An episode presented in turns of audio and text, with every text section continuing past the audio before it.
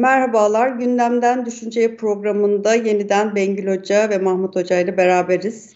Ee, bugün de konumuz, gündemimiz tabii ki deprem ee, ama depremin üzerinden e, yaklaşık bir ay geçmiş oldu. Bu bir ay zarfında e, neler yaptık, e, neleri neleri eksik, neleri tam yaptık, e, bundan sonra neler yapmamız gerekiyor. E, birazcık daha bunu konuşabileceğimiz bir zaman e, vasatındayız diye düşünüyorum. E, ben ziyadesiyle hani üç kere falan bölgeye gidip gelmiş oldum. Daha önceki yayınlarımızda, Times of yayınlarımızda, Times of Türkiye yayınlarımızda konuştuk bunları detaylı bir şekilde. Bölgeden de haberler yaptık, yayınlar yaptık. Ee, ve hani üzerine e, bugün Bengül Hoca ve Mahmut Hoca ile beraber e, üzerinden bir ay geçmişken birazcık daha soğukkanlı belki hani artık kriz yönetimi aşamasından planlanmış bir afet yönetimi aşamasına geçilmişken e, bundan sonra neler yapılabilir? E, ve sadece politika yapıcılar değil hani üniversiteler neler yapabilir, sivil toplum daha farklı neler yapabilir, e, yardımlar ve işte yaraları sarmanın dışında aslında politika üretirken e, politikacılara da e, altlık olabilecek neler yapılabilir? Biraz burayı konuşalım e, istiyoruz. E, Bengül Hoca da Mahmut Hoca da zaten işte sosyoloji e, kökenli e, hocalarımız. E, ben de hani alandanım. Biraz dolayısıyla bu yayını e, böyle şekillendirelim istedik. Tekrar hoş geldiniz Mahmut Hocam, Bengül Hocam.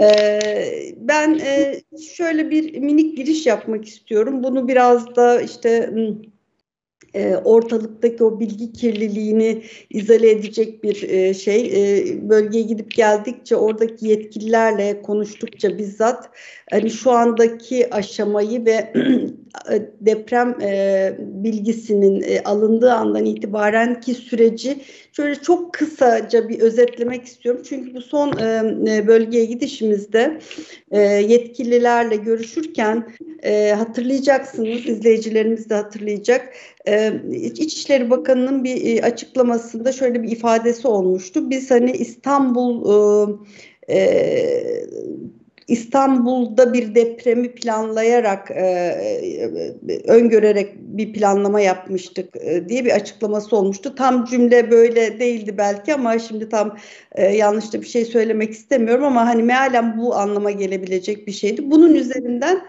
ee, bir e, bir tür işte saldırı gerçekleşmişti hem bakana hem de işte e, neden işte hiç bölgeyle ilgili bir planlama yapılmadığı gibi bir e, yaklaşım sergilenmişti. Ee, şu an bölgede e, görev yapan koordinatör valiler İstanbul'da her biri İstanbul'da bir ilçeyle e, afet e, olması halinde eşleştirilmiş valilerimiz.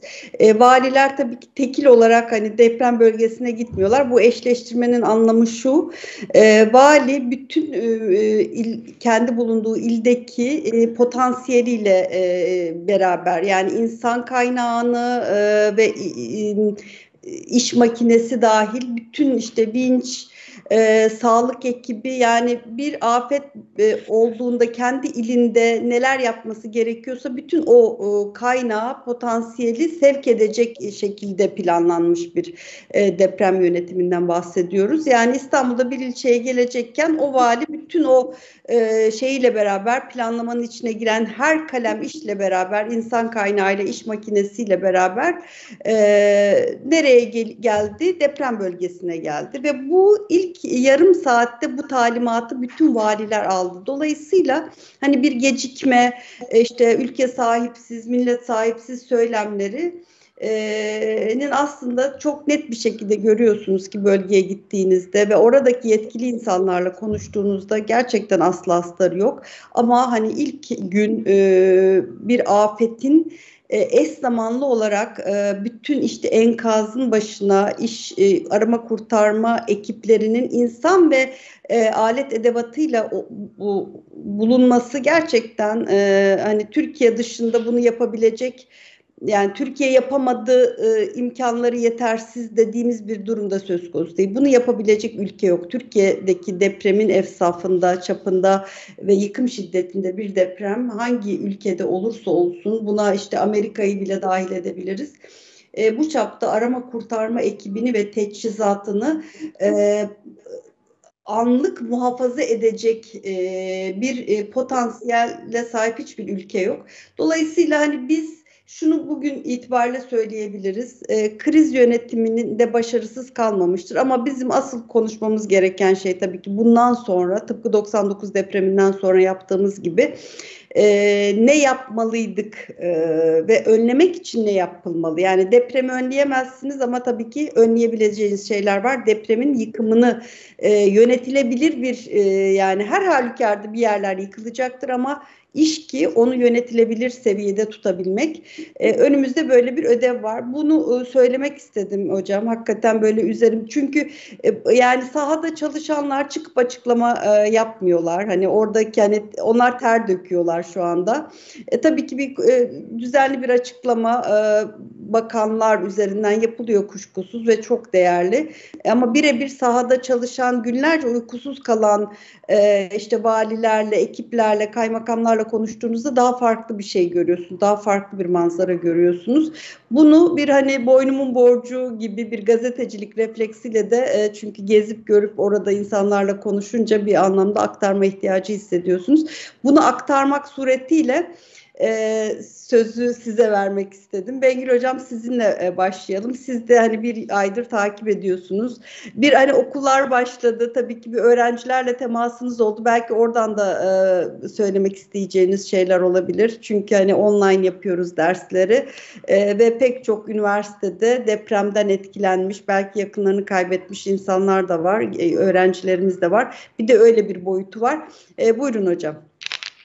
Evet ben, ben geçen haftaki e, dileklerimi e, ve başsağlığını tekrarlamak istiyorum öncelikle. Depremde bu büyük afette e, yakınlarını kaybeden vatandaşlarımıza başsağlığı diliyorum. E, ve bütün milletimize geçmiş olsun diyorum. Hepimize geçmiş olsun.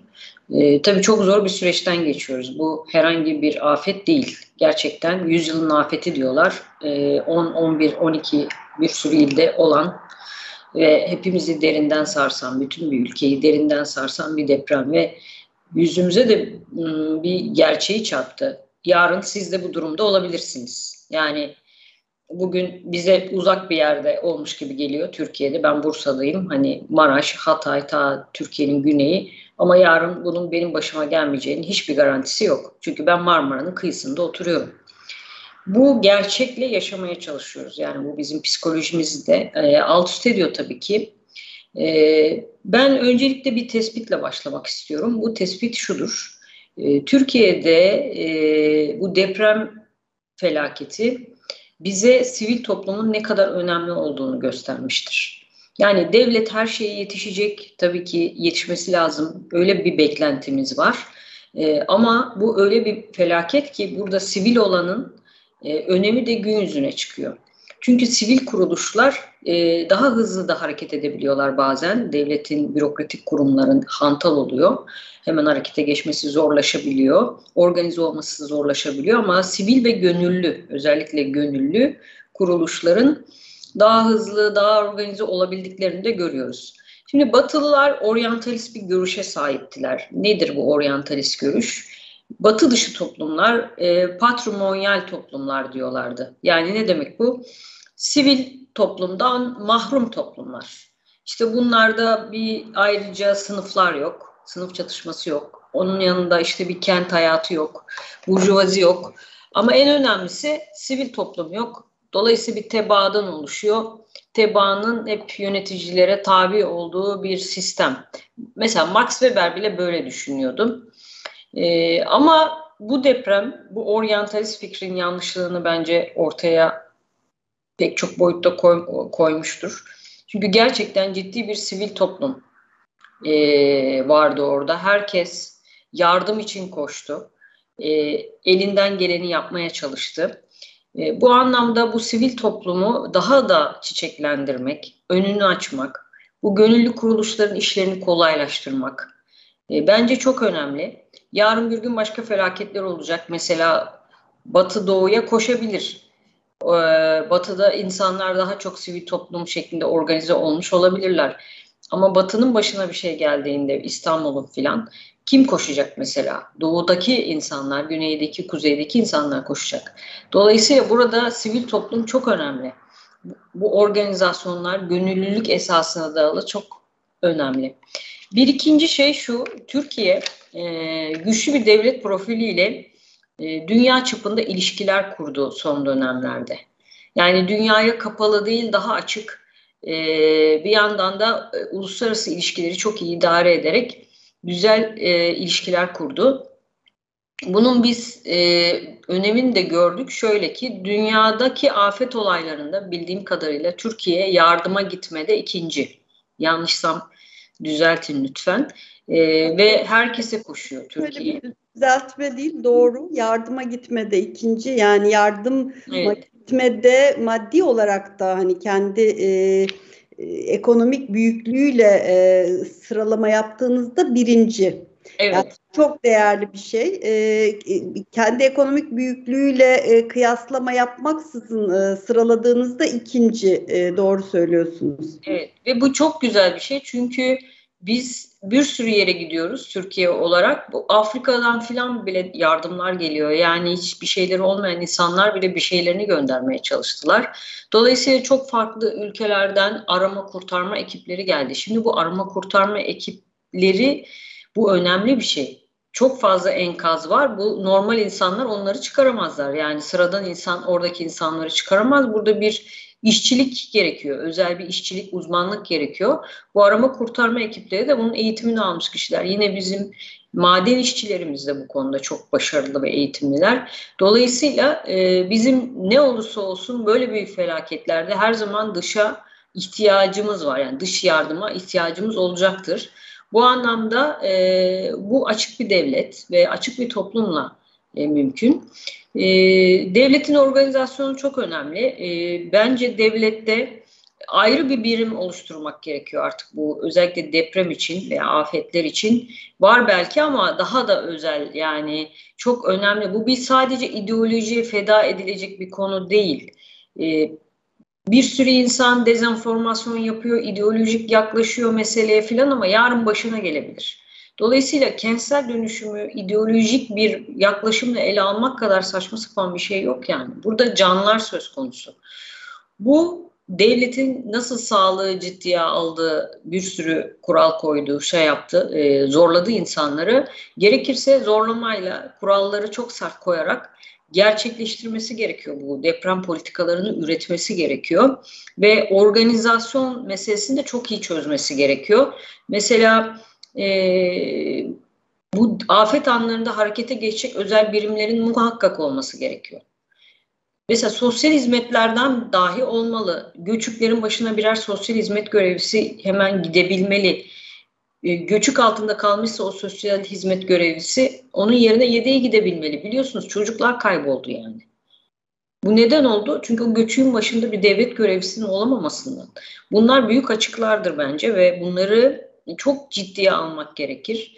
E, başka bölgelerden hemen insanlar hareket edebilirler ve oraya varıp e, bu işleri üstlenebilirler. Şunu söyleyeyim bir de şu ilginçtir eğitimimizde acayip bir bilim bilimist yaklaşımımız var. Yani pozitivist.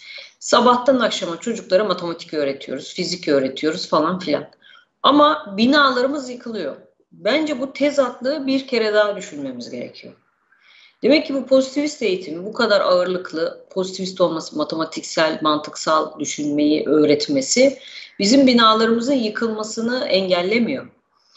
E, sonuçta bu mühendisler matematik bilmiyorlar mı veya diğerleri e, kontrol eden uzmanlar. Demek ki bizim başka bir eğitim tarzına da ihtiyacımız var. Buna isterseniz değerler eğitimi deyin, isterseniz sorumluluk etiği deyin, isterseniz başka bir şey deyin ve bunlar ancak sosyal bilimin etkin olmasıyla e, mümkün olabilecek e, bir yaklaşım tarzıdır. Böyle pozitivist eğitimi matematik öğretip sorumsuz kuşaklar yetiştirmek hiç doğru bir yaklaşım değil. Bunlar üzerine yeniden düşünmemiz gerekiyor bence.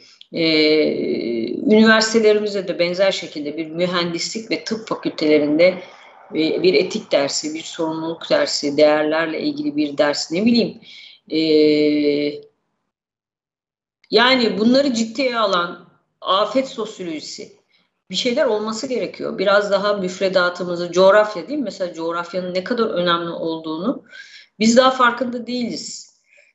Coğrafya bilmeyen kuşaklar yetişiyor arkadaşlar. Çok yazık. Coğrafya dersleri çok önemli aslında. İlkokulda, ortaokulda, lisede. Çünkü coğrafyayı bilen bir çocuk ülkesini ve dünyayı tanır. Bizim gençlerimiz iki sokak ötede ne var bilmiyorlar. Dolayısıyla e, ben bu konulara dikkat çekmek istedim ama daha sonra başka şeylerde konuşuruz inşallah. Evet hocam coğrafya konusunda evet yani benim de çok uzun zamandır dikkatimi çeken bir şey. Coğrafya böyle çok hani öneminin asla ortaokul, lise yıllarında fark edilmediği bir e, bir bir alan diyelim ki yani işte e, jeopolitikle e, işte hani coğrafya kaderdir lafı meşhur oldu ama buna rağmen hani bu lafın e, e, künhüne varamadık. Hani bölüm üniversitelerde coğrafya bölümleri de e, sanki hani yeterince e, popüler e, değil e, diye hissediyorum. E, coğrafya sadece coğrafya öğretmenliği e, gibi bir e, alanla sınırlı değil. Çok temel bir bilim yani coğrafya dediğinize sonuna kadar katılıyorum. Bir şeyi yani gözlemlerime binaen e, bir hususu aktarıp Mahmut Hoca'ya söz vermek istiyorum. E, yani deprem olur olmaz e, o anda işte hemen akabindeki işte diyelim ki 24 saat içerisinde henüz her enkazın başına işte arama kurtarma ekibi gelmemişken de e, insanlar kendi imkanlarıyla belki e, enkazdan birilerini çıkarttılar. E, bir e, şey e, öğrendim. Bir, tane kadın evladını bekliyor enkazın başında ve üzerinden işte 7-8 gün geçmiş hala çıkmamış evladı. Ve hani artık şey hani oradan ne canlı ne cansız bir insan şeyi gelmiyor, sinyali gelmiyor. Biliyorsunuz hani cansızlar için başka köpekler çalıştırılıyor. Canlılar için işte zaten e, termal işte e, aletler, ısı alan aletler ve ses alan aletler. Hiçbirisi olmadığı için dolayısıyla hani kadın gitmek istemiyor ama işte oradaki insanlar da artık burada birisi yok diyorlar. Sonra tabii çok güzel bir haber. Herkes bu bu şekilde e, haber almıyor. E, meğersem hani depremin il, o ilk anlarında, ilk iki saatlerinde çocuğu başka birisi tarafından alınmış ve hastaneye götürülmesi sağlanmış ve çocuğunun belki hani ölüsünü orada beklerken aslında hastanede ve sağ olduğunu öğreniyor. Ama pek çok kişi de işte belki ilk anlarda ölmek suretiyle e,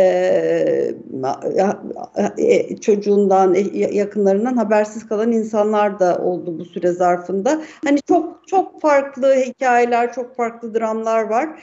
E, ama hani şunu da söyleyeyim, e, benim hani bu çadırlar, çadır kentlere gittikçe gördüğüm şey şu ee, belki hani ilk iki gün, ilk, ilk üç gün için bunu e, söylemek çok zordu. Çünkü daha hani henüz çadırlaşma olayı gerçekleşmemişti ama şu an çadır kentlerde özellikle belli bir büyüklüğe ulaşmış çadır kentlerin hepsinde e, sosyal destek birimleri var. Milli eğitimin, e, aile ve sosyal politikaların e, destek birimleri var ve ben hani birebir özellikle hani gençler var oralarda e, ve psikologlar, psikiyatristler bile var çadır kentlerde. Belli bir büyüklüğe ulaşmış olan çadır kentlerde gezici kütüphaneler var e, Kültür Bakanlığı bütün gezici kütüphanelerini bölgeye sevk etmiş vaziyette. Üniversite sınavına hazırlanan çocukların gidebileceği ya da LGS'ye hazırlanan çocuklar gidip oralardan çıktı falan alabiliyorlar. Oralarda işte öğretmenler var bir iki tane hani soru sormak istediklerinde muhatap olabilecekleri. E, dolayısıyla şu an çadır kentlerde o sözünü ettiğiniz hani psikodestek e, meselesiyle ilgili de bir azami gayret var. Haftada bir değişen ekipler var. E, bu, bu da önemli bir şey. Çok çok önemli bir şey. E, Mahmut Hocam e, şimdi şöyle bir husus var.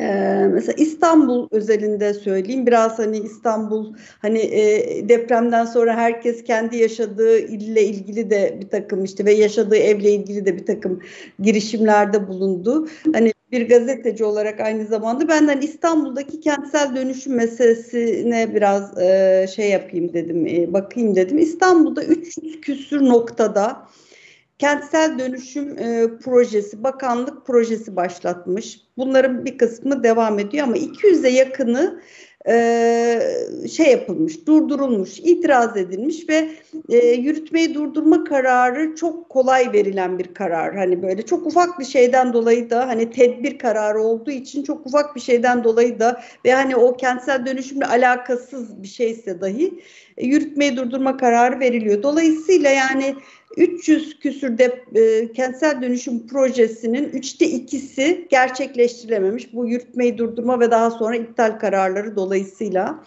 Ee, yani bunun bir de böyle hani e, yönetsel zorluğu da var bu işlerin. Yani biz işte neyi hani e, e, konuştuk ya hani afet yönetimini öyle ya da böyle hani bir şeyimiz var. Hızlı hareket etme, cevvaliyet ve fedakarlık hani toplumsal sermayemiz, sosyolojik sermayemiz bu anlamda çok güçlü ama Bengül Hoca'nın o dediği şey hani pozitivist bir eğitimden geçip 10 yıllardır e, biz hani madem bu eğitim sisteminden geçiyoruz hani bari ona uygun çıktılar üretebilseydik onu da üretemedik. Üretemediğimiz gibi hani burada işte belki yani şeyin yerel yönetimler bazında yapılmaya çalışılan bazı şeyler de ideolojik kaygılarla ya da ideolojik malzemeye dönüştürülme potansiyeli taşıdığı için bir işte siyasi rekabetin şeyi olabiliyor, malzemesi olabiliyor ve tabii ki çok hazin çıktılar da oluşuyor. Biraz hani buradan da hareketle ne yapılmalı konusunu sizinle konuşalım istedim. Evet.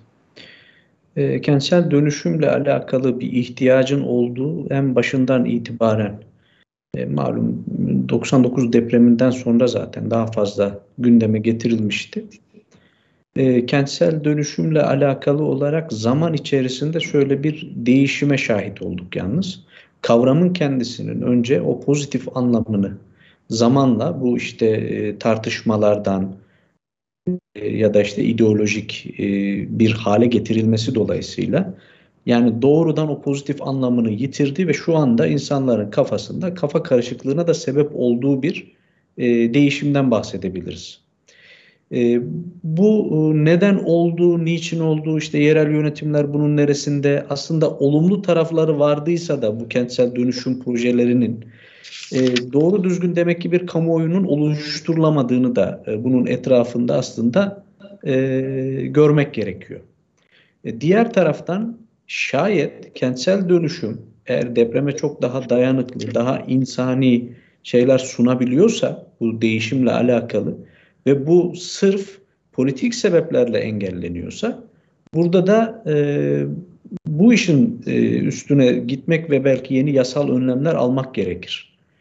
Yani bunun engellenmesiyle alakalı olarak söylüyorum. Fakat e, bir kafa karışıklığı yaratıldığı ve bir e, yani bir bulanık su haline getirildiği bu işin e, bir kere itiraf edilmeli.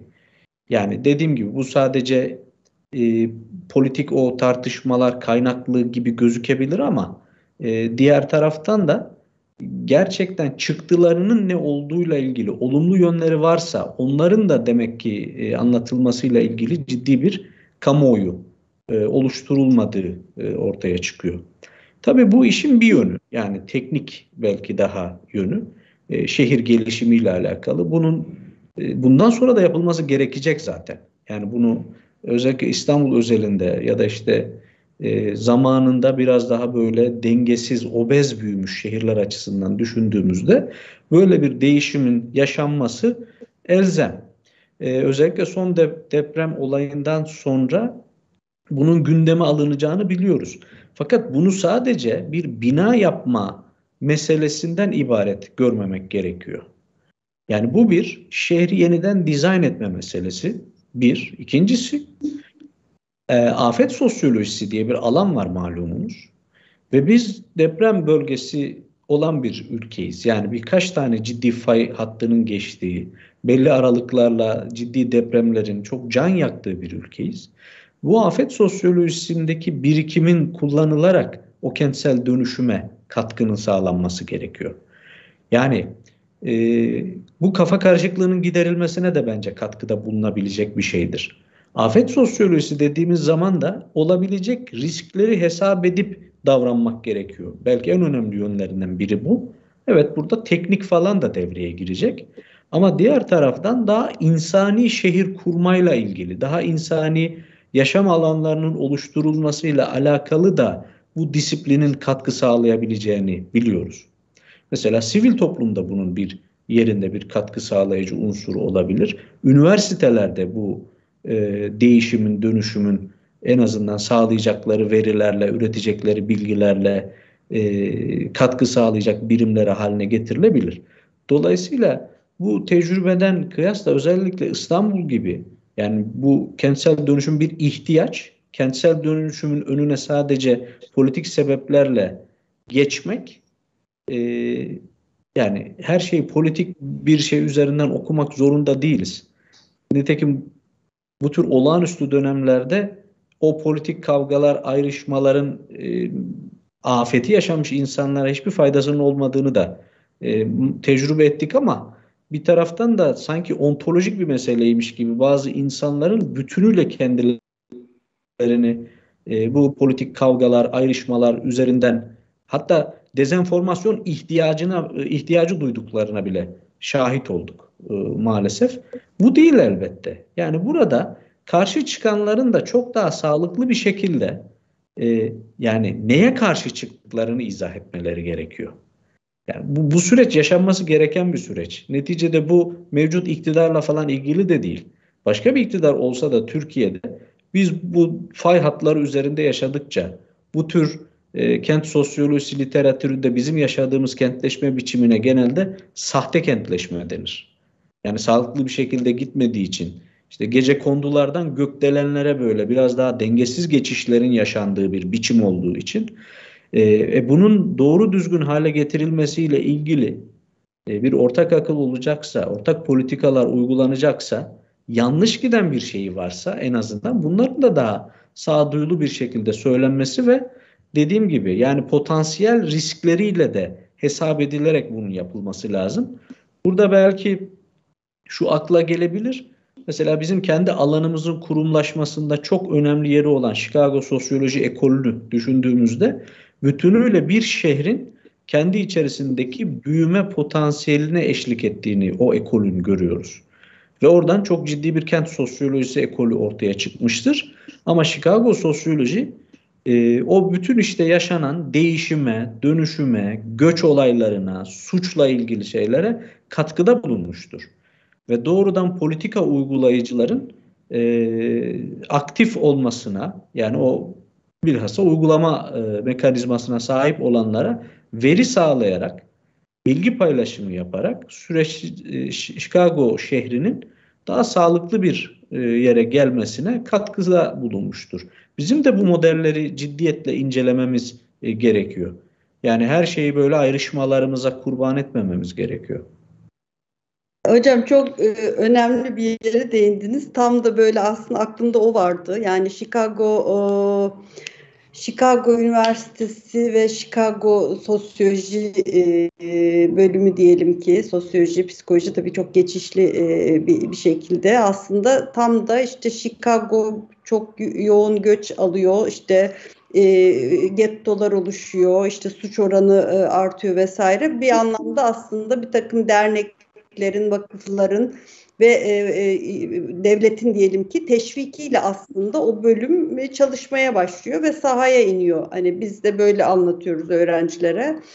E, dolayısıyla hani şimdi Türkiye e, yüzde 95'i aslında 98 hatta tamamen depremle sınırlamayalım. Hani mesela Doğu Karadeniz ya da Batı Karadeniz'de geçen sene belki bu zamanlar mıydı çok hatırlamıyorum ama işte Bozkurt'taki sel felaketi için biz alandaydık. E, dolayısıyla hani e, deprem e, bütün neredeyse altımız fay hatları dolu ama hani e, farklı e, afet biçimlerini de kattığımızda e, Türkiye yüz ölçümünün yüzde 98'i afet riski altında. Böyle bir coğrafyada yaşıyoruz. Ee, ve e, bizim işte kentleşme serüvenimiz e, ziyadesiyle işte bu hani iç göçle işte belki 40 50 60 sonrası e, şey yapan e, artan e, işte yüzde yirmisi kentlerde yaşarken yüzde sekseni kentlerde yaşayan bir e, şeyiz ülkeyiz.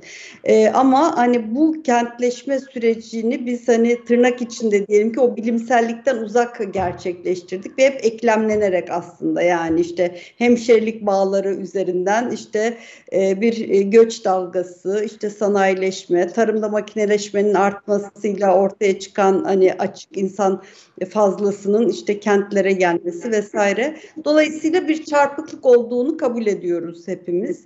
E, ama bunun bunu fark edildikten sonra işte e, alınan çözümlerde işte gece kondulaşmayı son verelim, gece kondulaşmaya son verelim ve nasıl yapalım? Hani daha işte hani TOKİ marifetiyle diyelim ki daha nizami e, evler modelleyelim. E, evet bu güzel yani netekim hani e, işte kentsel dönüşüm nasıl hafızamızda işte bir şekilde rantsal dönüşüm diye kirletildi. TOKİ'de biliyorsunuz öyleydi işte hani Bursa'daki örnek apayrı değerlendirilmeli ama hani kent TOKİ evleri böyle bir çirkinlik olarak öyle bir algıyla ama hani gördük ki aslında bir sağlamlıkla e, a, a, anılıyor artık. E, ama burada bir işte şehir planlama, bölge planlama e, ve e, işte sosyolojiyi seferber etme. Yani sadece çıkıp hala ekranlarda şu anda işte yer bilimciler ve mühendisler en fazla konuşuyor. E, ama bu meseleyi bütün boyutlarıyla disiplinler arası ve hakikaten bundan sonra herkesin e, biz %98'i afet riski taşıyan bir coğrafyayız. Nasıl ki yani Japonlar bu bilinci başardılar ve buna göre bir e, yeni döneme girdiler diyelim ki. Bizim de bundan sonra herhalde e, yaptığımız her şeyin e, altlığını bu bilinç oluşturmalı. Bununla ilgili belki işte e, üniversiteler bundan sonra çok e, yoğun bir şekilde çalışmalı e, diyebiliriz. Süremiz ne kadar kaldı bilmiyorum ama Bengül Hocam sanki böyle sona yaklaştık gibi hissediyorum. Ee, sizin söyleyeceğiniz e, neler var bu konuyla ilgili? Böyle kapatalım programı. Peki kısa birkaç şey söyleyeyim. Şimdi Roma'dan beri bir problem var. Gardiyanlara kim gardiyanlara kim gardiyanlık edecek? Yani bizde de böyle bir problem var. Denetleyenleri kim denetleyecek? Şimdi bu büyük bir sorun. Ee, Bununla ilgili özel politikalar geliştirilmesi gerektiği gayet açık. Nasıl araçlarımızı muayene ettiriyorsak, satarken işte onları ekspertize götürüyorsak, bunun için bir belge alıyorsak ve e, satışta bunu ibraz ediyorsak, aynı şekilde binalarımıza da bunu yapmalıyız. Yani binalarımızın da belgesi olmalı, muayenesi olmalı. Hatta bu muayeneler belli süreler içerisinde yapılmalı. Mesela 10 yılı geçmişse bir muayene nasıl arabamıza yaptırıyorsak ona da yaptırmalıyız.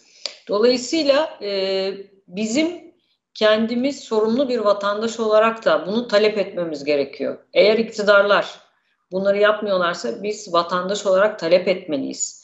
Bunu sivil toplum örgütleri yapabilir, e, milletvekillerini sıkıştırabiliriz. Yani bizim artık daha sorumlu vatandaş pozisyonuna geçmemiz gerekiyor ve bir e, baskı gücü oluşturmamız gerekiyor.